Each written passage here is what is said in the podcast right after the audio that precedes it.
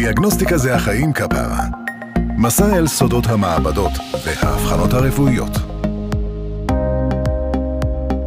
שלום, ברוכים הבאים לפודקאסט דיאגנוסטיקה זה החיים כפרה, פודקאסט שבא לתאר את עולם המעבדות אה, לציבור הרחב באופן פשוט. אני דוקטור נדב סורק, מנהל המעבדה למיקרוביולוגיה בבית החולים אסותא אשדוד הציבורי. יש איתי אורח מאוד מיוחד היום, שמו עידו, אנחנו אה, תמיד נותנים לאורחים להציג את עצמם, אז שלום עידו. Uh, שלום, שמי עידו, אני בן 15, אני לומד בחטיבה פסגות ביהוד, אני משחק כדורסל בקבוצה נערים ב' של נווה מונסון, ואני חניך בצופים של שבל מכבים. נכון, זה נורא בער בו להגיד את זה, אז הוא ישר uh, לא אמר לי אפילו שלום, כי הוא היה צריך להגיד לי שלום אבא. Uh, אז הפרק 아. הזה זה עם, זה עם עידו, שהוא גם הבן שלי, ואתם אומרים מה, זה, מה נעשה עם הפרק. אז חשבנו לעשות פרק ביחד של אבא ובן על איך המעבדה הרפואית הייתה אה, בחיים של עידו, לפני שהוא נולד, עד עצם היום הזה, כמו שהוא אמר, הוא בן 15.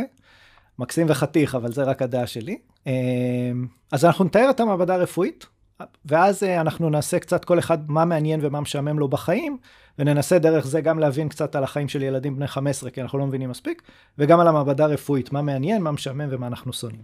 סבבה? סבבה. אז נתחיל מהחלק הראשון. אז לפני שנולדת, אני ואימא אה, התחתנו וחשבנו להביא ילדים לעולם, והדבר הראשון שעושים זה בדיקות גנטיות. עכשיו על קצה המזלג, יהיה לנו פרק שלם על בדיקות גנטיות. מה זה בדיקות גנטיות? דיברנו על זה באוטו, שעדיין לא למדתם מה זה DNA והחומר הגנטי, נכון? נכון. אתם בכיתה ט' עדיין מתעסקים בכימיה, כן, אני חושב. כן, כימיה והשנה פיזיקה, אבל לא, אין שום לא קשר. ל-DNA. לא. עדיין לא. אז מה זה DNA? DNA זה החומר הגנטי, ובעצם כשיש לנו שני עותקים ממנו, וכל בן אדם מקבל עותק אחד מאבא ועותק אחד מהאימא. אוקיי? זה העניין. ולכן כשאני ואימא רוצים להביא ילדים לעולם, אנחנו יודעים שאתם תקבלו עותק ממני ועותק מאימא, ועושים בדיקות לראות האם יש מחלות ידועות. עכשיו, למה? כי בגלל שיש לך שני עותקים, אם עותק אחד יש בו מחלה, זה בסדר, כי העותק השני מפצה עליו. כל עוד יש לך עותק אחד תקין, לא תהיה לך את המחלה הזאת. אוקיי?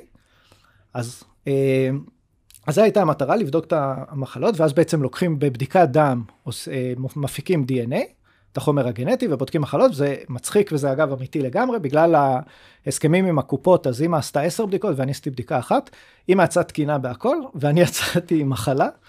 אה, עידו פה צוחק, אבל יצא שבעצם יש לי מחלה. עכשיו, מה זה אומר? זה אומר שיכול להיות שאני אעביר לך את ה... אני לא קובע איזה עותק אני מעביר לך, אוקיי? זה קורה בתהליך כן, הטבעי. זה ברור. אז השאלה הייתה אם אני אעביר לך את העותק הפגום, איזה עותק תקבל מאימא. אז אימא הייתה צריכה לעשות מהר בדיקה גנטית לאותה מחלה, והיא יצאה תקינה, והיא כמובן אמרה לי, אני, היית צריך לעשות רק דבר אחד וגם את זה הצלחת לפשל. אה, מוטיב חוזר בחיי הנישואים, את זה אתה, אתה עוד תראה במהלך חייך. אז ככה נפגשנו בפעם הראשונה, אתה עוד לפני שהיית קיים, ככה נפגשת עם עולם המעבדות. אה, ואז אם הייתה בהיריון, ויש אה, הרבה בדיקות שעושים בהיריון, בדיקות מעבדה שבאות אה, לבדוק את העובר ואת ההתפתחות שלו, יש לנו על זה גם פרק, ואני, זה הזמן להזמין אתכם, לשמוע, יש לנו הרבה תכנים בנושאים האלה ב-Diagnostics is Life, אתר תוכן של עולם המעבדות, יש שם פודקאסטים וכתבות, אנחנו מזמינים אתכם להיכנס לשם. אז לא נדבר דווקא על הבדיקות חוץ מבדיקה אחת שהיא הייתה לי, אני זוכר, הלכתי עם אמא לרופא, שליווה אותה במהלך ההיריון, והיא עשתה בדיקה שנקראת חלבון עוברי. כי כשאתה בבטן של אמא, אז חלק ממך, חלק מה-DNA שלך זורם גם בדם אה, של אמא, ואפשר לבדוק, אה, אפשר לבדוק אותו, אבל בבדיקה הזאת ספציפית בודקים אה, רמה של כמה חלבונים אה, של אמא שבאות לראות התפתחות תקינה של העובר. אה, אז אמא עשתה את הבדיקה הזאת, ואני זוכר שקיבלנו את התוצאה, וזה עלה בחלק מהפרקים, שהמעבדה לא נותנת סתם תוצאה, היא נותנת גם יחס. אז אתה מקבל איזה מספר 4 מיליון, כן? או, או לא זוכר מה היה התוצאה. התוצאה שהיא חסרת משמעות, והמעבדה מפרשת ואומרת, זה בעצם הסיכוי למחלה הוא 1 למיליון, 1 ל-2 מיליון, אני לא זוכר. אני זוכר ששמעתי את זה ואמרתי, אה יופי, הסיכוי הוא מאוד מאוד נמוך. ואז הרופא בלי להסתכל אמר לי, אמא, טוב, אבל את uh, בת 29, אז הסיכוי יורד ל-1 ל-200 אלף. אמרתי לו, מה? אנחנו צעירים. אז הוא אמר לי, אתם בני 29, זה, בגיל הזה כבר uh, הסיכוי למחלה עולה. אז אני זוכר את זה אז, שכאילו שילבו, היום בדיעבד אני מבין, כי זה עולה הרבה בפרקים האלה, זה בעצם השילוב של מעבדה שנותנת תוצאות, והקליניקה, שזה איך, מי הבן אדם שעומד מולך, נכון? כי אם זה גבר, אם זה אישה, אם הוא בן 20 או אם הוא בן 40, זה שונה. ולשמחתנו נולדת והכל היה תקין. אה, עד עכשיו אתה נהנה מסיפור חייך? אה, כן, האמת זה מאוד מעניין. אני לא חושב לא שידעת. ברור ש... טוב, איך אני אדע משהו לפני לא, אבל לא שנולדתי? דיברנו על זה אף פעם, אני חושב. אה, לא, אתה לא אמור לדעת על הבדיקות שלפני שנולדת. אבל הדבר הבא שאני רוצה לדבר עליו, כי הוא מאוד השפיע עליי, והוא הוא מאוד משפיע על העבודה הנוכחית, והוא נכון בכל המעבדות. היית בערך בן שנה והיית חולה, ולקחנו אותך לרופא, והרופא הפנה אותנו כי הוא רצה לקחת כמה בדיקות, ושכבת שם ובאה אחות צעירה, ואמרה, אני צריכה לקחת ממנו בדיקת דם. ואני הייתי צריך להחזיק אותך. אה, אין לנו פה וידאו, אז עידו בן 15, הוא כבר מטר 70, הוא די עוקף אותי בגובה, ילד גדול, אבל אז היית קטן, ושכבת על המיטה והייתי צריך להחזיק אותך, וכאילו ממש החזקתי לך את השתי ידיים ואתה בכית וצעקת, כי זה מה שעושים... אה, לא, לא, עושה בסדר, 20 כן, אתה בסדר עם זה. ובכית וצעקת, וזה קשה להחזיק את הילד שלך מרותק למיטה, כן? והאחות חפרה עם המחט ולא הצליחה להוציא דם. והיא חופרת והיא חופרת, עידו מסתכל עכשיו על הוורידים שלו, כי יש לו ורידים בולטים, אז לא היו לך. והיא לא הצליחה. ואתה צרחת, ואני מחזיק אותך, וקשה לי להחזיק אותך, אתה גם אה, ילד, אתה בן בכור, אז עם הילד הראשון יותר קשה לך, אה, אתה יותר אה, רגשני, ו... ולא הצליחה עד שאימא התערבה ואמרה, די, די, את לא מצליחה, תלכי אחורה, ואנחנו צריכים מישהו אחר שיעשה את זה. ואני נשארתי ככה, אה, ובאה, הגיעה אחות אחרת, והכניסה לך מחט, יחסית מהר מצאה תווריד, וכאילו יצאו משם איזה שלוש טיפות של דם. מבחנה קטנה כזאת, ממש מבחנה קטנה כן, עם אי כמה אפשר טיפות של דם. מבחנה גדולה. נכון, כי. אצל ילדים לא, יפה, לא ידעתי שאתה יודע, מילדים אי אפשר לקחת מבחנה רגילה, לוקחים מבחנות קטנות. אז יש שם כמה מסקנות שלקחתי לחיים. אחד זה שלפעמים צריך לדעת לעצור ולהגיד שאתה צריך עזרה. האחות לא עשתה את זה ואני לא עשיתי את זה. אימא הצילה אותנו במקרה הזה. אתה צריך לדעת לעצור, זה נכון גם אה, לילד, אבא שאומר לילד בן 15 שלו, זה נכון גם למעבדה הרפואית. לפעמים אתה צריך לעצור ולהגיד, אני צריך עזרה, אני לא מסתדר. זה דבר אחד. והדבר השני לענייננו, אתה צריך לדעת שבבדיקות רפואיות לילדים אנחנו מקבלים מעט מאוד דם, ולכן אנחנו מתייחסים לזה אחרת לגמרי, אנחנו אף פעם לא פוסלים, הבדיקות שלנו מכוונות לנפחים קטנים, כי אנחנו יודעים שמילדים אתה לא תקבל מבחנה מלאה בדם, כן. נכון שזה לא בעיה להוציא ממני וממך היום.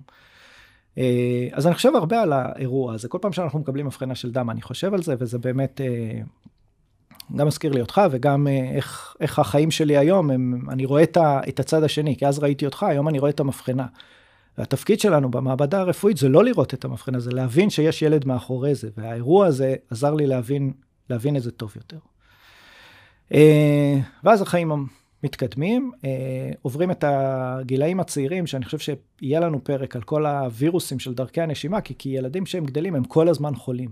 הייתה תקופה שהיית ביום ראשון הולך לגן, ביום אה, ראשון בערב עולה לך החום, אתה מתחיל להיות חולה. סבתא שולמית אז שמרה עליך משני עד חמישי, בחמישי סוף שבוע אתה איתנו קצת מתאושש, חוזר ביום ראשון לגן, עוד פעם מעלה חום ביום שני. עכשיו, הסיבה לזה, וזה הגיונית, כי אנחנו מוקפים בווירוסים ובמחלות, וכשאתה ילד קטן בעצם, הגוף שלך יחסית נאיבי, והוא לא מכיר את הווירוסים האלה. עכשיו, מה זה להכיר? ברגע שהווירוס תוקף אותך ואתה מפתח מחלה, עולה לך חום, אתה לא מרגיש טוב, אתה אז צריך אתה גם שסבתא... מקבל איזושהי מערכת חיסונים יפה. אליו, ואז אתה כבר יפה. רגיל אליו, אתה לוקח אותו פחות קשה. נכון, יפה, לא, לא דיברנו על זה, והנה עלית על זה לבד. בדיוק. המערכת חיסון שלך מכירה את הווירוס, מפתחת כנגדו נוגדנים, ופעם הבאה שאתה חולה, אתה כבר, הגוף יגיב הרבה יותר טוב, והרבה פעמים אתה בכלל לא תפתח מחלה. אז זה היה התקופה הצעירה. אה, ואני חושב שאנחנו מגיעים עכשיו, אה, אתה עולה לכיתה ט', נכון? כן. הלימודים מתחילים עוד מעט, והדבר הדומיננטי הבא שהיה אה, בכיתה ח' זה חיסון הפפילומה. אז בואו נדבר קצת על הפפילומה. פפילומה זה וירוס. הדבר הראשון, וזה הקטעים שעידו קצת יסמיק, הווירוס הזה עובר בעיקר בדרך יחסי מין. עכשיו, עם זה כן דיברנו אתמול בערב, כי אמרתי, אני לא כן. אפתיע אותך עם יחסי מין בפודקאסט באמצע הפרק, שתתחיל אה, להסמיק לי ולא תוכל לדבר. אז למה, ו- וישר קפצת, נכון? אמרת לי, אז כן, למה בכיתה ח'? למה בכיתה ח'? אף אחד לא עושה את זה בכיתה ח', חוץ מילדים כל כך בודדים, וגם אז אני לא חושב, זה כאילו רק שמועות, אז למה בגיל כל כך צעיר? אז, או, אז התשובה היא בדיוק בגלל זה, כי אנחנו יודעים שעוד לא התחלתם, והמטרה שלנו זה לחסן את כל האוכלוסייה כדי למנוע את ההעברה הזאת, ואם אנחנו נתחיל בגיל יותר מאוחר, בגילאים שכבר יתחילו יחסי מין, אז אתה תפספס חלק מהאנשים, נכון? כי הם כבר, אולי החיסון הוא חודש הבא, וזה קרה עכשיו. אתה לא רוצה את זה. החיסון הזה הוא מאוד בטוח, אנחנו יודעים שהוא בטוח, אין איתו שום בעיה. אתה אומר, אני אחסן את כיתות ז' או את כיתות ח', הרבה לפני שהם בכלל חושבים על זה, נכון? אני יודע, בכיתה ח' מתחילים קצת לדבר איתכם על זה. כן. ואז כשזה קורה, כולם מחוסנים. עכשיו, למה זה מאוד חשוב? וירוס הפפילומה הוא עושה ברוב המקרים מחלת חום קלה. זה נכון, אתה תגיד, מה, זה בסך הכל מחלה קלה, זה לא זה... כמו קורונה שאתה יפה. צריך כמה חיסונים, לא, כי זה יורד. לא, זה כמו קורונה, בהקשר הזה שגם קורונה, אתה אומר, אצל הרבה אנשים זה לא מחלה קשה. נכון, אבל א', יש אנשים שזה מחלה קשה, נכון? בקורונה כן, זה, זה הרבה לא... פעמים מחלה קלה. הדבר השני, או, יפה שנגעת גם בחיסונים, ניגע גם בזה, אבל הדבר השני שהוא יותר שרציתי להגיד, ואז נגיע למה שאמרת עם החיסונים, הדבר השני, אנחנו יודעים היום שהרבה פעמים וירוסים, הנזק שלהם הוא בא אחרי כמה שנים. ובהקשר של פפילומה, אנחנו יודעים שאתה נדבק בצעירות בפפילומה, בווירוס, מחלת חום קלה, אחרי חמישה ימים אתה מרגיש טוב, הכל בסדר. אבל בגילאים מבוגרים, סרטן הרחם אצל נשים וסרטן הלא אצל גברים, הרבה פעמים מקושר לפפילומה. זאת אומרת, הווירוס עצמו, זה נקרא וירוס מוטגני, אני לא אוהב להשתמש במילים סוכריות. ולכן כאילו בגיל צעיר זה לא עושה לך כלום, אבל אחר כך זה חוזר לכן אתה רוצה קשה. למנוע אותו, בדיוק. החיסון ימנע את ההדבקה בווירוס, ואם תמנע את ההדבקה בווירוס, תמנע את סרטן צוואר הרחם. אז המטרה כאן היא, היא גם להגן על המחלה, אבל בעיקר להגן מסרטן צוואר הרחם בנשים. אז זה דבר אחד. דבר שני, באמת אמרת לגבי הקורונה, לגבי החיסון צריך כמה מנות, אז באמת בהרבה חיסונים צריך יותר ממנה אחת. זה בעצם מייצר חסינות חזקה ולאורך זמן. פפילומה, אני לא זוכר, אתה יודע אם זה שניים או שלושה חיסונים? אני חושב שניים, אבל אה, שניים? יכול להיות שלוש. שנינו, בקיצור, שנינו לא זוכרים, יצאת מזה, אתה מאוד אה, רשמי בפודקאסט הזה, אבל יצאת מזה יפה, אבל שניים או שלושה חיסונים, למה? החיסון השני והשלישי נקראים בוסטר, הם עוזרים להעלות את הרמה של החיסוניות מצד אחד, ומצד שני הם גם גורמים לה להימשך לאורך הרבה מאוד שנים. אה, אנחנו יודעים שזה עובד טוב בפפילומה. הקורונה, המטרה של החיסון הייתה להתמודד עם מגפה מאוד אגרסיבית. אנחנו מבינים שהחיסון לא נותן הגנה לאורך שנים, ולכן עכשיו זה השיקול איך ומתי לתת את החיסון הבא. אבל בהקשר הזה, אה, צריך לזכור שכל הביקורת על החיסונים של הקורונה, לא היה לנו יכולת להתמודד עם מגפה בסדר גודל הזה בלי חיסונים. אמ, איך אתה, דיברנו על זה קצת בשכבה שלך עם הפפילומה, עם החיסון, מה היה הדיבור? אה, את האמת, אין יותר מדי דיבור, כי את האמת, אני לא ידעתי על מה מדובר, כי לא ידעתי שפפילומה קשורה לכל זה, אני הייתי רוצה... לא הסבירו לכם. לא הסבירו לנו, אמרו לנו, יש לכם חיסונים, בהצלחה. כן. אה, אז כאילו לא דיברתם ביניכם, כל אחד דיבר או לא דיבר לא. עם ההורים?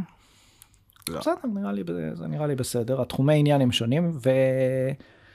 ובאמת זה מעביר אותנו עכשיו, אה, זה היה החלק הראשון, עכשיו נדבר על החלק השני, אפרופו תחומי עניין. אז אנחנו נשאל אותך על כל מיני, אני אשאל אותך אה, כל מיני שאלות על החיים שלך, ואתה תחזיר לי את אותה שאלה ואני אנסה לתאר את הדברים האלה מהפרספקטיבה של מעבדה רפואית. אז נתחיל, מוכן? כן. אז אמרת, אה, זה לא עניין אותנו, אז מה לעזאזל כן מעניין אתכם? אותך, סליחה, לא אתכם. מה מעניין אותך? מה מעניין אותי? כאילו תחומי דת זה לשחק כדורסל, להיפגש עם חברים, ליהנות עם חברים. לא, רגע, זה מעניין אותך, שאלתי מה מעניין אותך. כדורסל מעניין זה סבבה, אני יודע, אתה אה, גם אומר לי את כל הסטטיסטיקה. אתה יודעת כמה שלפעמים ילדים יטענו שבית ספר זה משעמם? אני חושב שלרוב בית ספר זה מעניין. אתה לומד משהו חדש, אתה רוכש ידע ו... לא יודע, אתה נשמע כמו זה. תלמיד טוב מדי. נו, אני, אני בשוק, אני זה, יחשבו שזה כשאני מכריח אותך. טוב, הדבר היחיד שאתה מכריח אותי להגיד זה סליחה לאח שלי שאני רב איתו. לא, נכון. מעבר לזה, אתה לא ממש לא, חייב נכון. להגיד משהו, אבל... אה, לא, באמת מעניין כאילו לבוא לבית ספר, נושאים, העיקר שזה גם קשור למורים, אם יש לך מורה טוב, נגיד בתנ"ך, היה לי מורה השנה מעולה, עד אז לא סבלתי תנ"ך, חשבתי שזה משעמם ולא אמיתי בכלל, אבל שנה למדתי לקרוא תנ"ך, התעניינתי, עשיתי עבודות. ואני חושב שללכת לבית ספר וללמוד משהו חדש, זה גם, זה מעניין, כאילו, בסופו של דבר, בשנייה שאתה מבין את זה, אתה לא מסתבך באיזה תרגיל דפוק במתמטיקה, זה מעניין, זה כיף. יפה. Uh, ומה אתה נהנה, מה מעניין אותך בעבודה? אז אני חושב שמה שהכי מעניין בעבודה אצלנו זה כל מקרה הוא סוג של תעלומה. נכון? כי הגיע בן אדם והוא לא מרגיש טוב, ואתה צריך להבין מה יש לו. עכשיו, יש אנשים שזה פשוט יחסית. אה, ויש מקרים שהם קצת יותר כאלה מסובכים, ואתה עובד עם הצוות הרפואי, עם הרופאות, ואתה עובד עם, ה... אה, עם שאר התוצאות, ואתה מנסה להבין מה יש, עם שאר המעבדות, המעבדות משתפות פעולה ביניהם, ואז זה כמו איזה סוג של אה, בלש שצריך להבין מה יש, ואתה חלק מהצוות, אתה אף פעם לא לבד. אז זה מאוד מעניין. אה, לדבר עם... יש פעמים שאתה נתקל במצב שאתה לא יודע מה יש לבן אדם וזה רק ממשיך להחמיר ואז אתה באמת בבעיה או ש... זה הולך קליל ובתוך יום זהו נראה. אוי, זו שאלה טובה, אני לא יודע להגיד סטטיסטיקה אם הרוב זה ככה או ככה, אני יכול להגיד שני דברים. אחד, אנחנו, המעבדה הרפואית היא נותנת הרבה תוצאות והיא נותנת את המידע מאחורי התוצאות. בסוף אנחנו, הרופאה היא זו שמחליטה אם לטפל או לא, ואיך לטפל והאם הטיפול מצליח או לא. אז אני אגיד, בהרבה מקרים אה, אנחנו יודעים, המעבדה עוזרת ונותנת הבחנה, ואתה יודע, אנחנו אומרים פה ש-70% מההחלטות של הרופאים והרופאות מתבססות על תוצאות מעבדה. אז כמובן שיש לזה מקום. בהרבה מקרים אתה לא יודע, אבל הטיפול עובד. תמיד נותנים כל מיני תרופות, והבן אדם מחלים, גם אם לא ידעת בדיוק מה יש לו. הוא זה. וכמובן שיש מקרים שאתה שהם מאוד מסובכים, מאוד מורכבים, שלא תמיד אתה מצליח להבין מה בדיוק יש. זה הרבה פעמים, אה, בין אם זה מחלות אוטואימוניות, שזה אומר שהגוף שתוקף את עצמו, בין אם זה איזה זיהום חמקמק שאתה לא מצליח לגדל את החיידק או את הווירוס ולדעת בדיוק מה יש.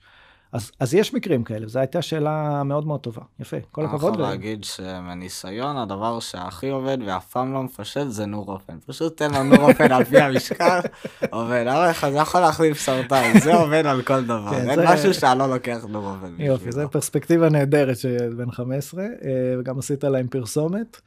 אה, וגם הוצאת אותנו כאלה שדוחפים נורופן בכל מצב, אבל הנה עובדתית זה עובד, זה עובד לך. לא, אז אצלנו המקרים הם קצת יותר מסובכים מזה, ונורופן זה עובדתית יש איזה 100% הצלחה כן, בבית שלנו, אז אה, בדיוק. אתה יכול לקחת את זה 100% לשם. הצלחה בבית אחד עם בן אדם אחד.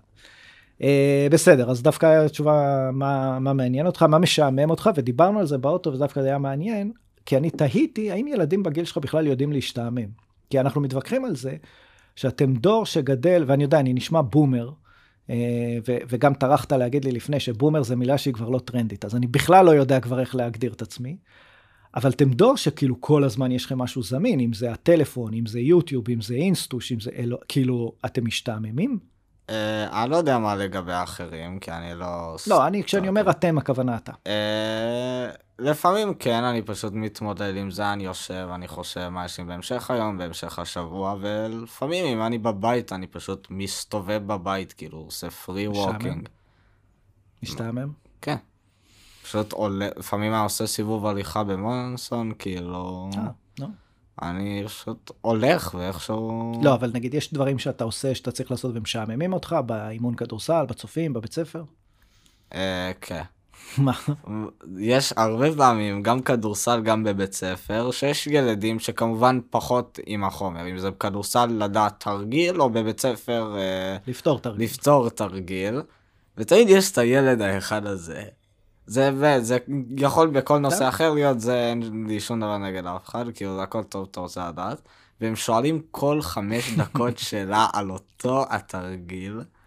וזה מתסכל, כי אני כבר יודע, נכון. כאילו, גם אם זה שיעור לפני, זה, כאילו, אני כבר יודע, ואני חייב להמשיך במשך שעה, לשמוע חפירות או משהו שאני כבר יודע, כי ילד לא מצליח להבין את הבעיה. לא, זה... יש גם פעמים שילדים מתקשרים אליי כל חמש דקות לשאול אותי בהקשר לאיזה עבודה, נגיד. שנה שעברה לנו עבודה, ואיכשהו כל פעם שהיה חלק, שאלו אותי שאלות. זה, זה דווקא אני יכול להבין. זה קצת מתסכל, אבל אני יכול להבין. מה משעמם אותך בעבודה, אם אתה יכול להשתעמם שם, אני מניח שאתה כל הזמן עובד. לא, אז, אז דווקא אצלי, השעמום, הרבה פעמים במעבדה הרפואית, אנחנו צריכים להוציא המון נתונים. סתם המון בדיקות, ואתה רוצה לדעת כמה בדיקות ומאיזה מחלקות. אה, אז הסוף הוא מאוד מעניין. אני חושב שזה קצת כמו עם התרגיל שסיפרת עכשיו, נכון? כי בסוף לפתור את התרגיל במתמטיקה בבית ספר זה נחמד. אני יודע שאתה אוהב מתמטיקה בבית ספר. כן, נכון, זה זה המקצוע האהוב עליך. אה, או לדעת את התרגיל, או לראות את הקבוצה שלך משחקת את התרגיל, טוב, זה כיף, נכון? אז כאילו, בסוף שאתה מקבל את הנתונים זה כיף, אבל לראות את הילד שואל את, את אותו תרגיל חמש פעמים זה משעמם אותך, אז גם אצלי לפעמים להוציא את הנתונים האלה עשר פעמים, אה, זה קצת משעמם. מה מעניין אותך? מה אתה עושה, שמה, מה מעניין אה, אותך? מה מעניין אותי? אה, מעניין אותי מתמטיקה, בשנה האחרונה למדתי שזה יותר מעניין ממה שחשבתי שזה, למרות ש... אני לא יכול להגיד, אני יכול להגיד את זה לגבי אלגברה, גיאומטריה, אני קצת פחות אוהב, את האמת, בחלק הזה, וזה משעמם, Hmm. וחופר, חונק. וגם מעניין אותי כדורסל, כאילו לראות זה, וגם משחקי מחשב, כאילו, אני מאוד נהנה ממשחקי מחשב, כאילו זה מעניין אותי, כל הטכנולוגיה, כמובן זה חלק מהדור שלנו לגמרי. ומהעולם, אז... אה, וגם קידוד קצת יותר בזמן האחרון. אה? יפה. אה, מה מעניין אותך נגיד בעבודה? למרות שזה, אני מניח שזה אותו הדבר כל פעם עם הקורונה. לא, אז uh, זה מדהים, הקורונה הייתה כל כך אינטנסיבית שאתם, אתם זה הילדים שלי, זה כאילו זה מה שיש לכם בראש, שכאילו זה מה שאני עושה, רק קורונה. והאמת היא שרוב הזמן אני עושה לא קורונה, אלא בדיקות אחרות של מחלות אחרות, וירוסים וחיידקים. Uh, זה די מצחיק שזה עדיין נשאר שאבא שלך עושה קורונה. זה קצת כמו חצי, אני לא הבנתי אם זה קללה או זה, כאילו לא, אבא שלך עושה לא, קורונה. זה פשוט היה אה, בטלוויזיה. עד עכשיו המחנכת שלי חופרת לי על זה, כי היא גם מורה למדעים, ואותה זה מעניין. אולי תשמע את הפודקאסט הזה, אז אני הייתי ובאמת נזהר. זה, ככה חברים שלי מכירים אותך, כאילו אני מסביר אותך כמנהל מעבדה מיקרוביולוגית, אני לא מסביר אותך כבן אדם אה, שעוסק בקורונה. לא, אבל הם אומרים לך, אבא שלך עושה קורונה. אז בדיוק. אה, זה. אז זה לא קללה, זה פשוט ככה רואים את זה, כאילו... לא, זה לא קללה, זה הייתה- זה הייתה קללה במשך שנתיים, זה היה קשה מאוד, אבל אנחנו לא, עכשיו אנחנו עושים יחסית מעט אה, בדיקות קורונה, אנחנו עושים הרבה בדיקות אחרות. אה, ומעניין מה שאמרתי, מעניין, מעניין זה להכניס שיטות חדשות, בדיקות חדשות, לראות איך זה נכנס. אה, אנחנו עושים מחקר שאנחנו לוקחים נתונים ומנסים לראות ולעבוד עם המחלקות, לראות איך הדבר הזה עובד, אה, ואם אפשר לשפר הבחנה. זה כאילו המטרה של מחקר אצלנו זה לשפר הבחנה. אם אני יכניס משהו ואני אודיע לרופאים, כאילו חקרנו ובדקנו ועדיף לעשות ככה ולכן עדיף לשפר את ההבחנה. אה, מה עוד יש לנו? ממה אתה סובל? מה אתה לא אוהב לעשות? לאכול את הפיתה וחביתה שלך. מה? מה, מה, אני מכין יותר טוב ממך כבר, מה? אה, אתה מתחיל משלושה ימים, כן? התחלת לפני שבוע. עד עכשיו קיבלתי דירוגים של תשע וחצי בתוך עשר ומעלה. מדהים. אה, יש לי, אני מכין פיתה חביתה מעולה. אה, היה לי קצת בעיה, כי אסור לי להגיד באמת מה אני שונא בעבודה, נכון? כי אחר כך מי שאני, אם אני אגיד את זה, זה כדי כן. לי, מה, למה אתה שונא את זה? אה, אני כן אגיד, זה הכרח בעבודה שלנו, אה, וזה קצת ישעמם אותך, אפרופו לשעמם, אנחנו צריכים לייצר הרבה דוחות. משרד הבריאות זה בעצם המשרד שמנהל את כל המערכת הבריאות אה, בארץ, והוא צריך הרבה דוחות כדי לדעת כמה מחלות כאלה יש, וכמה מחלות כאלה יש, וכמה בדיקות. צריך לייצר הרבה דוחות, והבירוקרטיה הזאת היא, היא לפעמים אה, גורמת לך קצת לסבול. אה, ונראה לי שאלה אחרונה, ממה אתה הכי נהנה לעשות? אני נהנה להיפגש עם חברים, לשחק כדורסל ולהיות גם בצופים, כאילו טיולים נגיד. קיצור הכל. מה, מה, מה- הכל. מה- ממה אתה הכי נהנה? הכי נהנה אה, להיות עם חברים, אם זה בצופים, מעבר לצופים, לא, אז, כדורסל, אה, פשוט. אז אני אגיד שאצלי התשובה היא אותו דבר. אני הכי נהנה להיות עם האנשים שבמעבדה, יש לנו אנשים מעולים, וכמו שאתה עם החברים שלך, אז אני עם האנשים במעבדה, אה, זה הכי כיף. אנחנו נהנים מאוד ביחד, זו עבודה מעניינת אה, וכיפית, אז זה באמת הכי, אני, אני הכי נהנה, וזה נראה לי ה- הסימן שלנו, הדרך המצוינת שלנו לגמור ולסיים עם הפרק הזה. אז תודה רבה, עידו, שבאת. אני ממש שמח שבאת, זה היה פרק מיוחד. תודה רבה על האירוח, גם אתה, אבא, אה, אה, תמיד תזכור שדיאגנוסטיקה זה החיים. כפרה. יפה, דיאגנוסטיקה זה החיים כפרה, זה פודקאסט אה, של עולם המעבדות, שייך לתוכן Diagnostics is Life, אתר התוכן שמכיל תכנים וכתבות ופודקאסטים, זמין גם הפודקאסטים זמינים בכל אתרי הפודקאסטים. בדרך כלל כאן אנחנו מסיימים, כשאנחנו אומרים דיאגנוסטיקה זה החיים כפרה, אה, תודה עידו, תודה נדב, ובזה אנחנו מסיימים. בגלל שאתה הבן שלי, אני בכל זאת רוצה לעשות משהו מיוחד.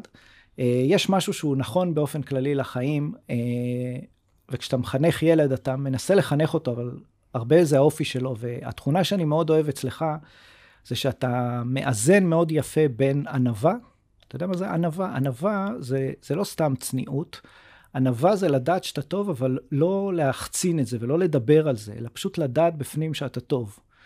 אה, מצד אחד, אה, ומצד שני ביטחון עצמי, כי הרבה פעמים ענווה גורמת לך, או צניעות גורמת לך גם לפקפק בעצמך, אז אתה צריך לשלב בין צניעות בין לא להתרברב, שזה מאוד נפוץ בגילאים שלכם, כן. אני חייב להגיד. מצד אחד, מצד שני, לכן, אנחנו כן רוצים שזה יגדל דור עם ביטחון עצמי, שהוא יכול לנסות, הוא צריך לנסות כן. אה, ולהעז. אז יש משפט שאני מאוד אוהב, ואני לא חושב שהוא מייצג אותי, אה, אבל אני כן חושב שהוא מייצג אותך, ואיתו הייתי רוצה לסיים את הפרק. אז תודה עידו, ותזכור שאתה לא יותר טוב מאף אחד, אבל אף אחד לא יותר טוב ממך. תודה עידו.